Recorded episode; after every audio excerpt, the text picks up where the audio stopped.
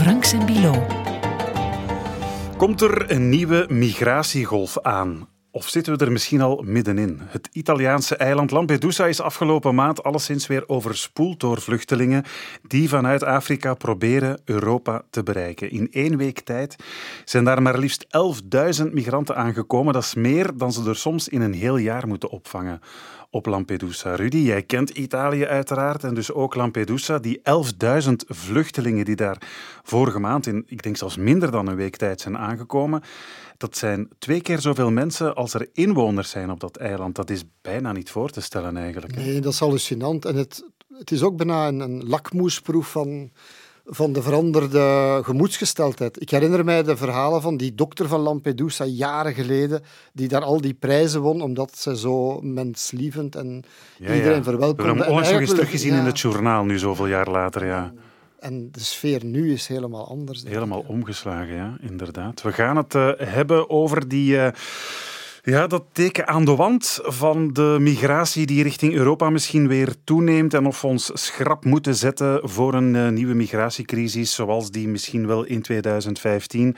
Daarover gaan we het hebben met uh, de standaardjournalist Casper Goethals. Heel erg welkom. Hey, hallo. Jij bent uh, de migratiespecialist, mogen we toch wel zeggen, van uh, de Standaard. Uh, recent ook nog meegevaren met zo'n NGO-schip op de Middellandse Zee. Is dat Artsen zonder Grenzen? Ja, met de Geo Barents, het schip van Artsen zonder Grenzen. Klopt het dat het aantal migranten dat Europa probeert te bereiken weer in, in stijgende lijn gaat? zeker weten. De cijfers dit jaar doen denken aan de grootste golf migranten die Italië heeft bereikt tussen 2014 en 2017 toen allemaal uit Libië. Mhm. Nu zien we dat het een deeltje nog uit Libië is, maar vooral vanuit Tunesië. En nu zitten we aan 137.000 mensen die dit jaar al, uh, ik heb net naar de cijfers gekeken nu, die dit jaar al naar Italië zijn gekomen. Dat is natuurlijk onvergelijkbaar met uh, 1 miljoen uh, mensen die in laat 2015 en begin 2016 via het oosten, ja. Eh, via Turkije en Griekenland en de Balkanroute naar die Europa kwamen toen uit Syrië voornamelijk. Ja, uit Syrië en dan in, de, in, in die stroom ook Irakezen en Afghanen, maar vooral Syriërs. Mhm.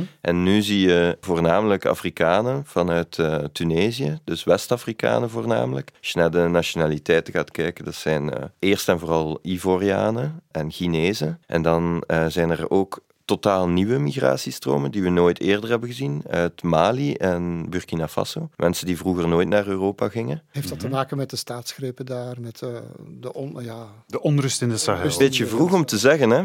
Uh, maar zeker weten uh, als het gaat over Mali en Burkina Faso. Dat zijn mensen die wel eerder al naar Noord-Afrika migreerden, ook voor werk. Ook vanuit Niger trouwens. En vroeger naar Libië trouwens ook. Ook naar Libië, nog steeds zelfs. Hè? Er is nog steeds werk in Libië op eh, in de olienijverheid, in de, in de bouw. In Tunesië werd er ook veel gewerkt door uh, Zwart-Afrikanen, Sub-Sahara-Afrikanen. Dus een deel van die migratie waren mensen die er al waren mhm. en die dan vertrekken om, je zou kunnen zeggen, twee grote redenen. Ten eerste, de economie in Tunesië doet het verschrikkelijk slecht. Tussen twaalf jaar na de Arabische lente bijna 13 jaar in Tunesië, is de economie uh, een totaal niet ingeloste belofte. Uh, dus dat is waardoor heel veel Afrikanen die daar al waren uh, ook vertrekken. Net als sommige Tunesiërs trouwens. Ja, ik ben twee jaar geleden daar geweest om te kijken naar die tien jaar na de Arabische lente. En toen waren er veel Tunesiërs die vertrokken. Ja. En eigenlijk, zij, dat was bijna de, klein, de kleine handel. Er was geen groot mensensmokkelnetwerk. Nee. In elk dorp waren er wel een aantal mensen die een bootje kochten en probeerden over te geraken. Klopt, ja. Dus als je nu is het gestructureerd? Zeker. Nu, waar gestructureerd is moeilijk om te zeggen, want het is ook nog vrij wild de, en geïmproviseerd, de migratie. Je hebt uh, langs de kust van, van Tunesië ja. heb je een heel grote strook boven de havenstad Sfax, 80 kilometer lang. Migranten noemen die kilometer 80. En van daaruit vertrekt er eigenlijk een, echt een exodus op dit moment. Met, uh, vlak bij Lampedusa. Ja. Dat is eigenlijk vlak bij Lampedusa. een rechte lijn op 200 de kilometer. Ja, ja, minder dan 200 kilometer. En dus van daaruit vertrekken West-Afrikanen, vaak met West-Afrikaanse uh, smokkelaars. Dus jongens die zelf gemigreerd waren vaak, die dan zeggen, hm, hier uh, begint een lucratief uh, handeltje zich te ontplooien, ik doe daaraan mee. En die samen met Tunesische mafiosi handeltjes opzetten in boten, in motors. Ja. En dus ja, je ziet, de manier waarop is ook extreem gevaarlijk. Er zijn met een soort van ijzeren bakken gebeurd, de migratie. Dat is helemaal anders dan vroeger. Vroeger werd er, zoals Rudy zegt, gekeken van waar kunnen we een oude vissersboot op de kop tikken. Ik, ik heb het, scheep, uh, het schepenkerk, of misschien heb je het ook gezien, in, in Libië gezien dan uh, ja. Zouara en, en in het westen. Ja. in het westen. Dat, dat, is, dat, is, hallucinant als je dat ziet. Dat is zo'n dode wrakken van... Maar dat zijn immense schepen. Dat zijn voilà. grote houten schepen. Ja, oude, grote vissersboten. Ja. Ik, en ik nu... dat het nu zelfs gewoon geen, geen bootjes meer zijn. Die nee, het zijn een soort van ijzeren sloepen. Uh, ik heb het, uh, het uh, botenkerkhof gezien in, in Tunesië in april. Ja.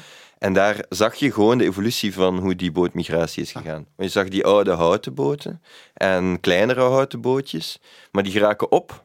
Dat zijn, die worden gekocht van vissers. En vissers die vaak geen geld meer verdienen omdat er grote industriële visvangst is ook andere economische dynamieken die daar spelen. Maar die voorraad is eindig. Maar die is eindig natuurlijk. Als je 100.000 migranten op een jaar, we zitten nu aan 89.000 migranten vanuit Tunesië naar Lampedusa. In één jaar tijd, dat is meer dan het dubbele van vorig jaar. Dat wil zeggen dat dat goedkoop is. Ja, dus er worden gewoon ijzeren platen aan elkaar gelast. hoeveel betalen de... Veel minder dan, uh, dan in Libië. Dus de prijzen variëren tussen 600 euro en 2000 euro, afhankelijk van hoe veilig je wil gaan. Maar dus een, ja, iemand die in Libië wil vertrekken betaalt. Ik, ik, heb, ik zat dus op dat schip van Artsen zonder Grenzen. Daar hebben we een boot opgepikt. Daar hadden de mensen meer dan 3000 euro betaald om aan boord te gaan. En daarvoor hadden ze al 1200 euro voor een visum uh, uh, in Benghazi betaald. En uh, heel wat geld om een vliegtuigticket tot daar te krijgen. Veel, veel van die mensen waren Syriërs. Die waren eerst naar Cairo of Libanon gevlogen en dan, en dan verder naar Libië. Dus die hadden er al 5000 euro op de teller staan. Terwijl een West-Afrikaan via bussen door Burkina Faso en Algerije eigenlijk aan relatief lage prijzen tot daar was geraakt. En dus ja, je zag echt uh, in Tunesië de laatste maanden een hele grote groep. Rudy heeft gelijk, vroeger waren het Tunesiërs. Ik heb de cijfers nog eens bekeken. Vier jaar geleden was 88% van de migranten die vanuit uh, Tunesië vertrokken Tunesiër. En nu? En nu is het nog maar 12%. Ja, dus, je zei daarnet ook... Zonder dat het aantal Tunesiërs is gedaald, ja, voor de duidelijkheid. er zijn een hele groep bijgekomen. Ja, er zijn gewoon heel veel mensen... En dat is eigenlijk, je zou kunnen je afvragen waarom ze dat niet eerder hebben gezien, hè? die West-Afrikanen. Er wordt zeer weinig uh, gecontroleerd in Tunesië. De staat is niet zo sterk. Er is niet zoveel capaciteit gewoon in Tunesië om die mensen smokkelen aan banden te leggen. Er is ook weinig wil om dat te doen. En de miserie in die Zwart-Afrikaanse landen was al groot. Dus het is iets heel vreemd aan de gang dat dat plots zo van die immense stromen komen. Je ziet, je, ik, je ziet echt, vorig jaar plotseling was 56% uh, nog maar Tunesiër. En de jaren daarvoor bijna 90% Dus vorig jaar, ergens rond de zomer, hebben West-Afrikanen die route ontdekt. En er zijn, er, er zijn goedkope visa te krijgen voor Ivorianen uh, die eigenlijk vroeger daar gewoon gingen werken. En nu is er een route die ontstaan is. Dus er zijn mensen die gewoon het vliegtuig nemen vanuit die voorkust met een legaal uh, visum. Tunesië bereiken en op een bootje stappen. Er zijn ook mensen die door de woestijn zijn getrokken, eh, zoals die Burkina, Burkinabe en de, en de Ivorianen. En dat is die kentering waar je daarnet op doelde, want je zei hè, tot, tot, tot niet zo heel lang geleden waren het inderdaad uh, Tunesiërs zelf en de uh, West-Afrikanen die, er al, die er al werkten, mhm. die naar, naar Lampedusa gingen. Mhm. Nu komen dus eigenlijk echt een soort, komt er nieuwe migratiestroom vanuit de Sahara eigenlijk via Tunesië naar die nieuw ontdekte route, zeg je. Dus dat is aan, aan bekendheid aan het winnen, neem ik aan, in de regio. Mensen worden op de hoogte gebracht van je kunt via Tunesië. Migratie werkt altijd cultureel. Hè. Er zijn natuurlijk grote uh, pushfactoren zoals economie en oorlog. Maar er zijn ook culturele uh, factoren zoals uh, linken ketens, mensen die al iemand kennen in Europa, uh, die zien dat het een optie is, die op het nieuws zien dat het mogelijk is. Uh, dus er zijn altijd landen geweest die bijna nooit naar Europa migreren. En er zijn uh, nationaliteiten geweest die altijd de weg makkelijker gevonden En als je dan bekijkt, want als ik vergelijk met zoveel jaren geleden, de route via Libië. Ja, je had dan mensen die uit Syrië kwamen of die tot daar geraakten. Maar je had ook veel Somaliërs, je had veel Soedanezen. Hè, Ja. Denk maar aan al die Soedanezen. Daar hoor je nog weinig van nu. Ja, precies. Hè. Dus de, Libië werd eigenlijk vanuit twee kanten gevoed. Vanuit Oost-Afrika en vanuit West-Afrika. En die kwamen via Niger en Sudaan. En, en dan Libië in. En dus voor die Eritreërs, eh, die Soedanezen, de Somaliërs, eh, allemaal landen die nog steeds in diepe miserie en in eh, oorlog eh, ondergedompeld zijn. Zeker Sudan nu, echt een heel recente vluchtelingenstroom alle kanten op. Maar die bereiken Europa nauwelijks, omdat daar een, ja, een zeer repressief, eh, door Europa gesteund anti-migratiebeleid is gevoerd. Dus die deals van Berlusconi, was dat toen nog ooit? Met, die hebben geholpen. Eerst Berlusconi met Gaddafi. Ja. Eh, dat werkte heel goed. En er waren minder dan 10.000 migranten per jaar. Gaddafi die zei op een bepaald moment in 2010: Ik heb 5 miljard euro nodig van Europa ieder jaar, want anders eh, zal ik ervoor zorgen dat Europa eh, zwart wordt. En, eh, en, en we zullen wel zien of dat, dat nog een beschaafd continent blijft. Dus echt Chantage. omvolkingschantage. Ja. chantage. Maar dan een jaar later bombardeerde de NAVO Libië. En dan hebben troepen van Gaddafi mensen echt in bootjes gepropt als eh, hybride aanvalstechniek. In één zomer 50.000 Iets mensen. wat Haftar ook nog gedaan heeft bij de aan, voor de verkiezingen in, in Italië vorig jaar. Hè.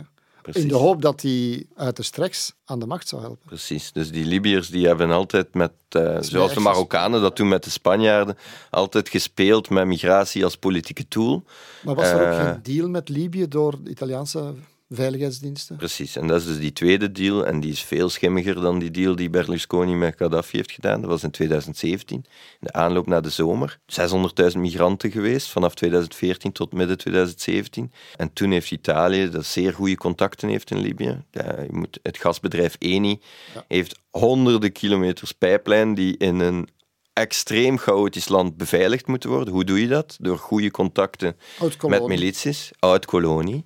En de Italiaanse geheime dienst, daar hebben we toen met Standaard ook over eh, bericht, de hele zomer op gewerkt, heeft eh, in de aanloop naar de zomer van 2017 een deal gemaakt met die milities, dus eigenlijk met de smokkelaars, om poortwachters te worden. En in één dag tijd, op 15 juli 2017, is plotseling de migratie vanuit Libië tot bijna niets gereduceerd. Dat is een ongelooflijk succes van de Italianen, die dus erin geslaagd zijn om die route helemaal dicht te, te metsen door met die milities eh, samen te werken. En dat heeft gewerkt. Ze hebben die milities gesteund met geld, met, eh, met eh, politieke steun. Ze hebben die aan elkaar geketend. Dan zijn ze die Libische kustwacht beginnen steunen.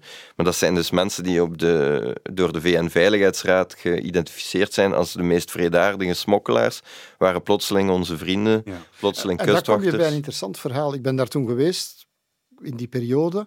Dan kom je bij de verantwoordelijke van Zouara en Zawiya, Mhm. die daar waar die kerkhoven liggen van die bootjes. En die zeggen van, ja, maar geef ons geld. En wij zullen hier grote opvangkampen organiseren. Ja, Een soort van triagecentrum voor eh, migratie. Ja. Wat op zich een piste is natuurlijk. Het is een piste, behalve dan dat je een situatie krijgt dat je zegt tegen migranten en vluchtelingen dat ze naar Libië moeten reizen, waar ze verkracht, gemarteld eh, en Nee, dat zou een gedood kamp worden. onder, onder om daar beheer van de, getrieerd te VN, worden. van de VN zijn. Hè? Ja, maar ook de kampen onder auspicie van de VN in, in Tripoli zijn verschrikkelijke plekken. Hè. De, tijdelijk eh, hebben ze controle en dan verliezen ze weer de controle. Dan neemt er weer een militie het daar over. Moet de VN zeggen, ja, we've lost control. En wat daar allemaal gebeurt, eh, is, eh, dat, dat is ook uitgebreid gedocumenteerd. Ook een van die zogenaamd veilige plekken van, van UNHCR is op een bepaald moment overgenomen door Libiërs. Dan zijn daar vrouwen verkracht geweest. Het is echt een plek waar je gewoon te weinig controle hebt. Om, ik denk niet, als je een triagecentrum wilt doen, dat Libië,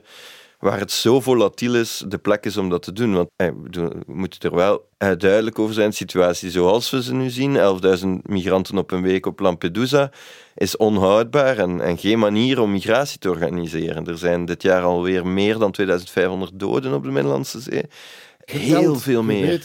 Dan moet het er meer Precies. zijn, ja. Dus wellicht het dubbele. Ik sprak van die, van die ijzeren bootjes. Als dat zinkt, is het weg. En die kopjes vind je niet meer op, op zee. Vroeger kon je nog een wrak aantreffen, eh, wrak hout aantreffen, maar zo'n ijzeren boot zinkt gewoon. Dus dat is een verloren en vergeten verhaal, onmiddellijk.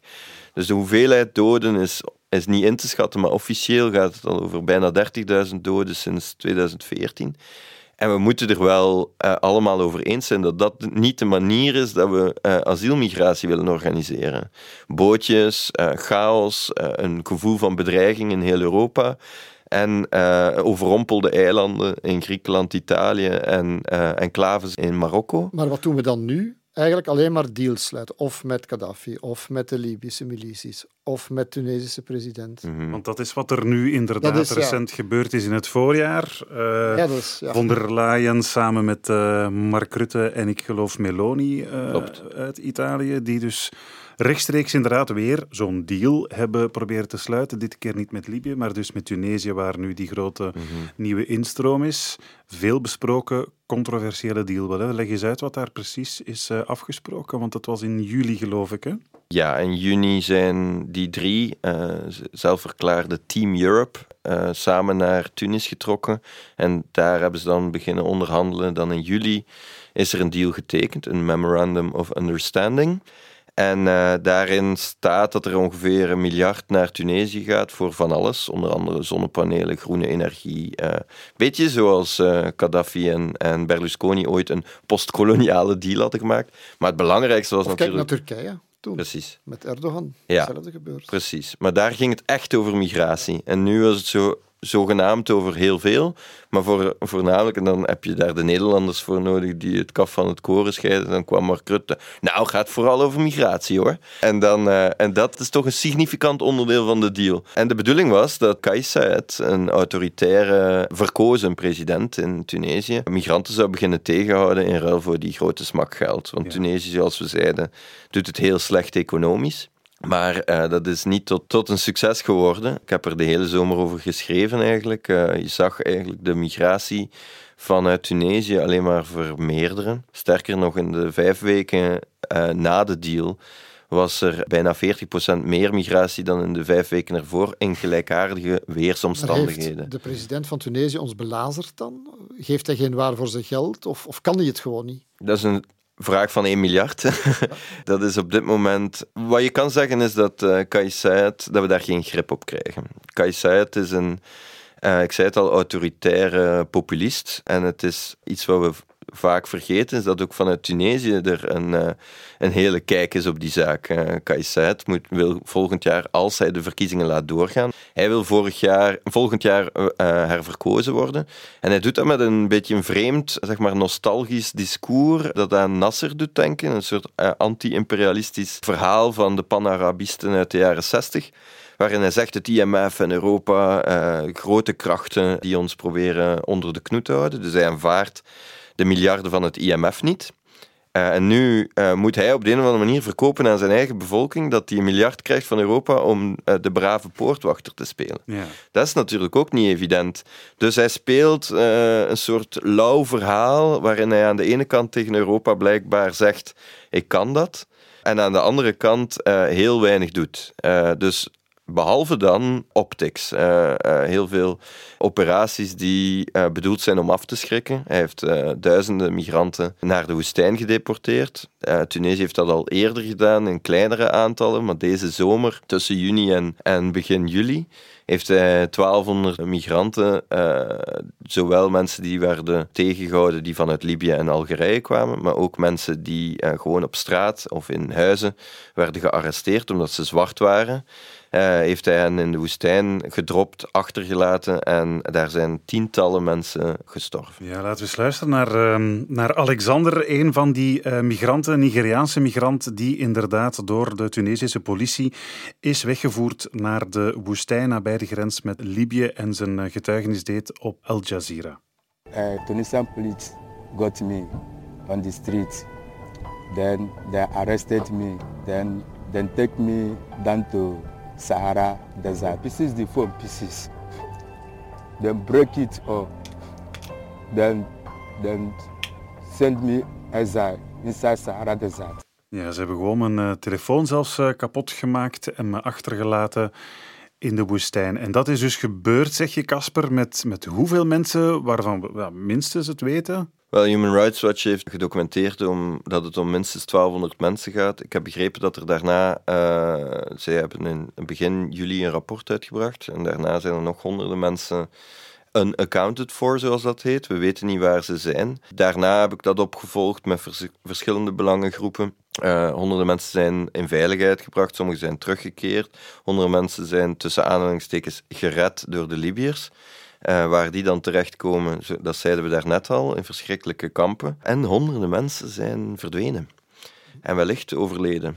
En er zijn nog steeds mensen in de woestijn die vastzitten en via het Rode Kruis en de Rode Halve Maan water en eten krijgen. Maar dus het is een van de grootste deportaties aan onze buitengrenzen sinds de Tweede Wereldoorlog. Er is een, er is een duister kantje toch ook aan, want men waren toen toch de, de, de verhalen dat het ook een vorm van latent racisme gaat. Ja, daar zit een zeer duister kantje aan. Kais ik zei het al, is een populist. Hij is aan de ene kant, uh, daar kunnen, van, uh, kunnen veel academici in Europa wel sympathie voor opbrengen, dat anti-imperialistische verhaal.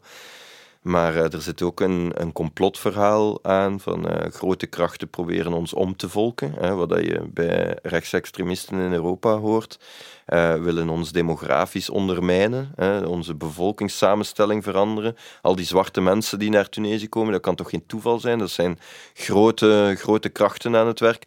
Dus hij, heeft eigenlijk in februari al een speech gegeven waarin hij keihard uithaalde naar uh, zwarte Afrikanen. Daarna zijn er razzia's en klopjachten geweest, uh, vaak spontaan georganiseerd door Tunesische burgers die, zoals we zeiden, gefrustreerd zijn door een slechte economische situatie, mhm. maar die ook uh, weinig nodig hadden, daar moeten we ook eerlijk in zijn, om racistische klopjachten te organiseren. En dat zit er allemaal bij. En er zijn dan uh, migranten die mij aan de telefoon vertellen, ik dacht dat ze alle zwarte mensen in Tunesië wilden vermoorden. Maar dan zit je met een situatie, je hebt een deal met Turkije, je hebt een deal in Libië gehad, of twee deals in Libië mm gehad en, en, een bepaalde policy. Mhm. Je hebt het nu met Tunesië wat moet je doen? Ja, dat is een zeer goede vraag. En ik, ik denk in de eerste instantie, wat dat ik Europa wel kwalijk neem in het migratieverhaal, is dat je na die uh, heel bediscussieerbare deals met Libië en Turkije, die de migratie tot uh, met 90% hebben gereduceerd en eigenlijk jaren hebben gegeven van lage irreguliere migratie, daar wilden we allemaal vanaf. Die bootjes die, die doden, die aanspoelen op de kust dat dan eigenlijk heel weinig is gedaan aan een, aan een fundamenteel beleid van diplomatie, van een visie ontwikkelen vanuit Europa op migratie voor de 21ste eeuw. Want je zit met een continent met een gigantische migratievraag, Afrika, waar uh, zowel om humanitaire redenen als om economische redenen iets moet gebeuren. En je zit in Europa met een demografisch probleem. We zitten met te weinig arbeid, we zijn aan het vergrijzen. Uh, en je zit met een, met een bevolking in Europa die nog steeds wel iets wil doen op humanitair vlak, die ook wil helpen. Dus daar zou je kunnen nadenken, gaan we eens praten met die landen? Gaan we eens effectief Afrika tegemoet treden? En niet alleen maar op het moment dat er een crisis zich voordoet, zoals nu met Tunesië, ad hoc snel een deal proberen sluiten en schrikken dat het dan tot weinig resultaat Maar je zit toch met die schizofrenie een beetje van je hebt migratie, je hebt asiel. Mm en voor, voor hen is het allemaal hetzelfde. Als ze hier een keer aankomen, dan kunnen ze zeggen: Ik vraag asiel. Ja, absoluut. En dan kan Europa niet terugsturen. Eh, we wilden heel graag na het kolonialisme dat Afrikaanse landen democratieën zouden worden. En dan schrikken we dat uh, de bevolking in die landen uh, uh, in opstand komt als migranten die hun leven hebben geriskeerd en duizenden euro's hebben uitgegeven zouden worden teruggestuurd. Maar, we kunnen het asielrecht niet opgeven, dus hoe moet je migratie op een andere manier gaan aanpakken? Dus je moet met die landen van herkomst, bijvoorbeeld met Ivoorkust, hè, dat is een land dat in, in, in, zonder oorlog, grootste nationaliteit onder de mensen die aankomen op Lampedusa, wat wil Ivoorkust? Ga eens met Ivorcus praten. Je zou kunnen zeggen, laat ons nadenken over een vorm van visumvrij reizen, maar in ruil moet iedereen die te lang blijft en iedereen die afgewezen is, terug we vergeten wel. Je spreekt dat bedoel je af met het land van herkomst, dat zij ook wel degelijk de verantwoordelijkheid hebben om die mensen dan ook te repatriëren. Ja, we, we, hebben nu een probleem dat Ivoorkust aanvaardt geen enkele Ivoriaan die terugkomt. Ja. Een grote, grote PR-operatie, dat was 40 mensen die kan terugsturen. Het probleem van, van het eh, asielbeleid in, in heel veel landen in Europa, dat je de mensen die hier geen recht hebben op Krijg je niet terugstuurt. ja. Precies. Maar dus als je zou zeggen van ja, we, we bieden jullie legale migratie en visumvrij reizen. Ja, maar dat is geen asiel. Het gaat hem echt over mensen die komen werken. Ja, mensen die komen werken of die, of die toerist is. willen zijn in Europa, die hier willen bezoek komen, die hier op zoek willen gaan naar een job, maar die bijvoorbeeld een visum krijgen voor drie maanden. M- maar als ze te lang blijven, moeten ze dan terug. En de Ivoorkust zal ze terugnemen, want Als ze bijvoorbeeld geen werkvergunning vastkrijgen. als ze geen werkvergunning vastkrijgen, als ze, als ze te lang willen blijven, omdat ze, eh, ja, als ze, zoals wij ook niet langer dan drie maanden in Zuid-Korea kunnen zijn of in een Aziatisch land. Is het niet naïef om te denken dat die niet dan ergens gewoon in de natuur verdwijnen? En Maar als je ze- Europees land naar het ander gaan? Maar als je ze vastpakt, dan sturen ze meteen en makkelijk terug naar Ivoorkust, want Ivoorkust wil nooit meer zijn visumvrij reizen naar Europa kwijt. En plotseling heb je onderhandelingsruimte met zo'n land. Eh, wat dan nu zo het probleem is, want op het moment dat Ivoorkust zou zeggen, oké, we nemen al die afgewezen asielzoekers uit Ivoorkust terug, dan krijg je een volksopstand in Ivoorkust. Dat is wat ik zei. We wilden dat de democratie werden. Die landen hebben ook eh, gewoon een regering die rekening moet houden met wat de bevolking tegen een opstand komt. Ja, En wat doe je met die landen waar er ook veel van komen? Niger, Mali, en waar nu allemaal een staatsgreep is die niet willen met ons samenpraten? Precies, dan moet je deals maken met heel veel landen en proberen het eh, nadenken over hoe we, zoals je zei, triagecentra en UNHCR-centra en een deel zal ook in Europa blijven. We kunnen bijvoorbeeld Afghanen nu ook niet terugsturen, maar je zou wel kunnen nadenken over kunnen we een deel van de humanitaire last die op Europa komt, zouden we die voor een deel kunnen externaliseren. Dat is iets wat, een totaal taboe is eh, bij veel migratiedeskundigen. Maar ik denk dat het, we met een systeem zitten, asiel, dat een van de meest mooie en prachtige Maar dat niet werkt voor migratie. In Maar dat niet werkt wereld. voor economische migratie. En omdat het eh, daar niet voor bedoeld is. En It- it's gonna be dirty business. Dat sowieso. economische migranten die door Libië en Tunesië en een bootje pakken, die tot in Europa komen, zijn van de meest weerbare, dynamische en ondernemende mensen die je ontmoet. Die worden geslachtofferd qua identiteit steeds meer onderweg. Ik heb veel migranten ontmoet in Afrika en die zeggen daar, nous sommes les aventuriers. En dan in Tunesië en Libië worden ze les immigrés. En in Europa zeggen ze allemaal van, ja, we, we vragen asiel aan, want er is geen andere legale Ah ja, nu soms refugiés zijn ze dan. en dan zijn ze afgewezen en dan zijn ze les illegaal. Dan zit je met een, een situatie dat mensen in een schimmige eh, schaduwbevolking terechtkomen, waarin ze slachtoffer worden van malafide ondernemers, van Het, het wordt van een van de belangrijkste punten voor het Belgisch voorzitterschap, dacht ik. Hè.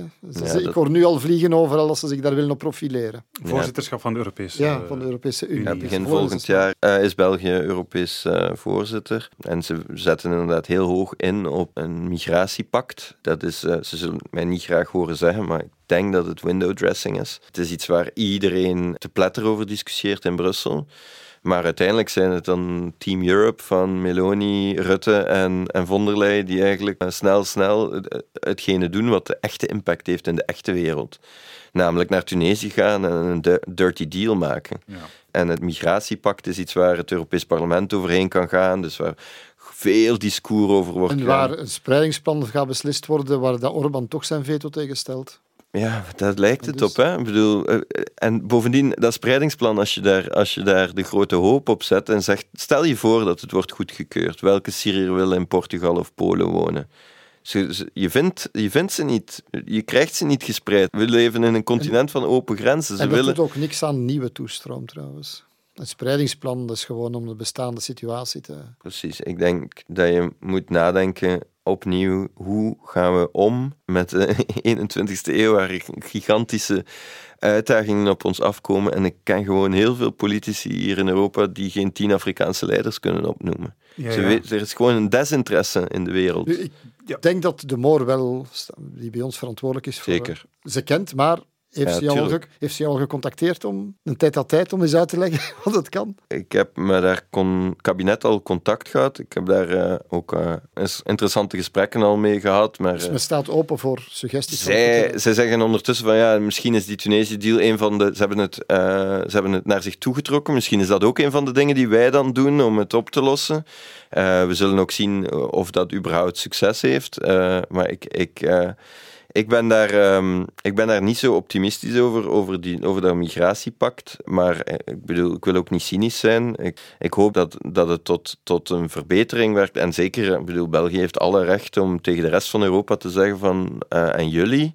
Want op dit moment doet België, België heeft een zeer uh, gastvrije en gulle welvaartsstaat. En er zijn verschrikkelijk problemen met veel asielzoekers en vluchtelingen die het nog steeds heel moeilijk hebben. Maar het doet wel veel meer dan zijn deel. En we moeten, we moeten wel af van, de, van een situatie. Ik bedoel, we zitten met uh, tientallen miljoenen vluchtelingen en, en staatlozen in de wereld. We kunnen er niet van uitgaan dat die alleen maar in uh, de meest gastvrije landen ter wereld terecht kunnen. We moeten op een manier uh, nadenken over hoe we ons deel doen in de wereld. Om, ik bedoel, de meeste mensen komen terecht in buurlanden. Of zelfs in eigen land, in een andere stad of een ander dorp. Uh, daar zijn de situaties echt extreem schrijnend. Hoe gaan we om met, uh, met een wereld waarin die onveiliger wordt en, uh, en een continent hier Europa dat steeds minder migratie lust? Hoe gaan we dat op een manier organiseren dat we het verkocht krijgen aan onze eigen bevolking? Uh, maar hoe gaan we ook met de rest van de wereld ons engageren? Want diplomatie wordt afgebouwd en onze relatie tot heel veel landen uh, verkleint en dus onze kennis verkleint. En dan krijg je een situatie waarin je alleen maar deals sluit op het moment dat het brandt, zoals nu met Tunesië. En dan geef je aan iemand als Kais die toch een soort omhooggevallen grondwetspecialist die president is geworden, die, die geef je gigantisch veel macht. Ja. Maar toch, eh, ik bedoel, uh, wil je, je als probleem? Europa zo zwak in de onderhandeling gaan? Zie je dit probleem de komende jaren nog alleen maar toenemen dan? Migratie? Ik zie het uh, als een soort van pappen en nat houden. Uh, zo, doen het al, zo doen we het al een tijd en ik vermoed dat het ook zo zal blijven gaan. Ik weet niet of migratie alleen maar toeneemt. Ik denk dat er heel veel successen zijn. Sommige landen vinden weer vrede. Ik bedoel, er zijn echt ook veel verhalen van, van succes en dat gaat altijd op en af. Dus ik denk dat het niet iets is wat, wat weg zal gaan. Je hebt het klimaat, je hebt oorlog, je hebt economische ongelijkheid. Maar asiel is daar de oplossing niet voor. Je kan niet een asielsysteem in Europa organiseren om de mondiale ongelijkheid die met het internationaal kapitalisme samenkomt op te lossen. Dus je moet op een andere manier omgaan met, uh, met die situatie. En je moet ook uh, jezelf in de spiegel durven kijken en weten dat migratie managen, als je dat een beetje wilt tegengaan, dat het altijd pijn zal doen. Ja. Uh, dus dat weet Europa en daar gaat Europa ook heel ver in. En bedoel, we werken letterlijk samen met die door de VN gesanctioneerde smokkelaars in Libië. Dat zijn echt warlords die migranten en vluchtelingen martelen. En daar, daar geven we geld aan, geven we nieuwe oorlogsscheepjes aan om, om de kusten te patrouilleren. Uh, ik bedoel, Europa maakt zijn handen al heel erg vuil, maar het is altijd zo korte termijn, denk ik. Het is elke keer zo, zo ad hoc dat je om op je vraag te beantwoorden, dat je, dat je nog veel crisissen zal krijgen, denk ik. En, ja. uh, en je, bent, je, je, je bent ontzettend afhankelijk van individuele autocraten en volatiele situaties als je niet gaat nadenken over een systeem. Dat, zowel in Europa, daarvoor kan dat migratiepact heel handig zijn, maar ook vooral in onze omgeving en uh, landen van herkomst en landen waar het brandt, uh, gaat nadenken hoe gaan we met die, met die wereld om. Ja. Het is uh, duidelijk niet de laatste migratiecrisis waar uh, we mee te maken krijgen.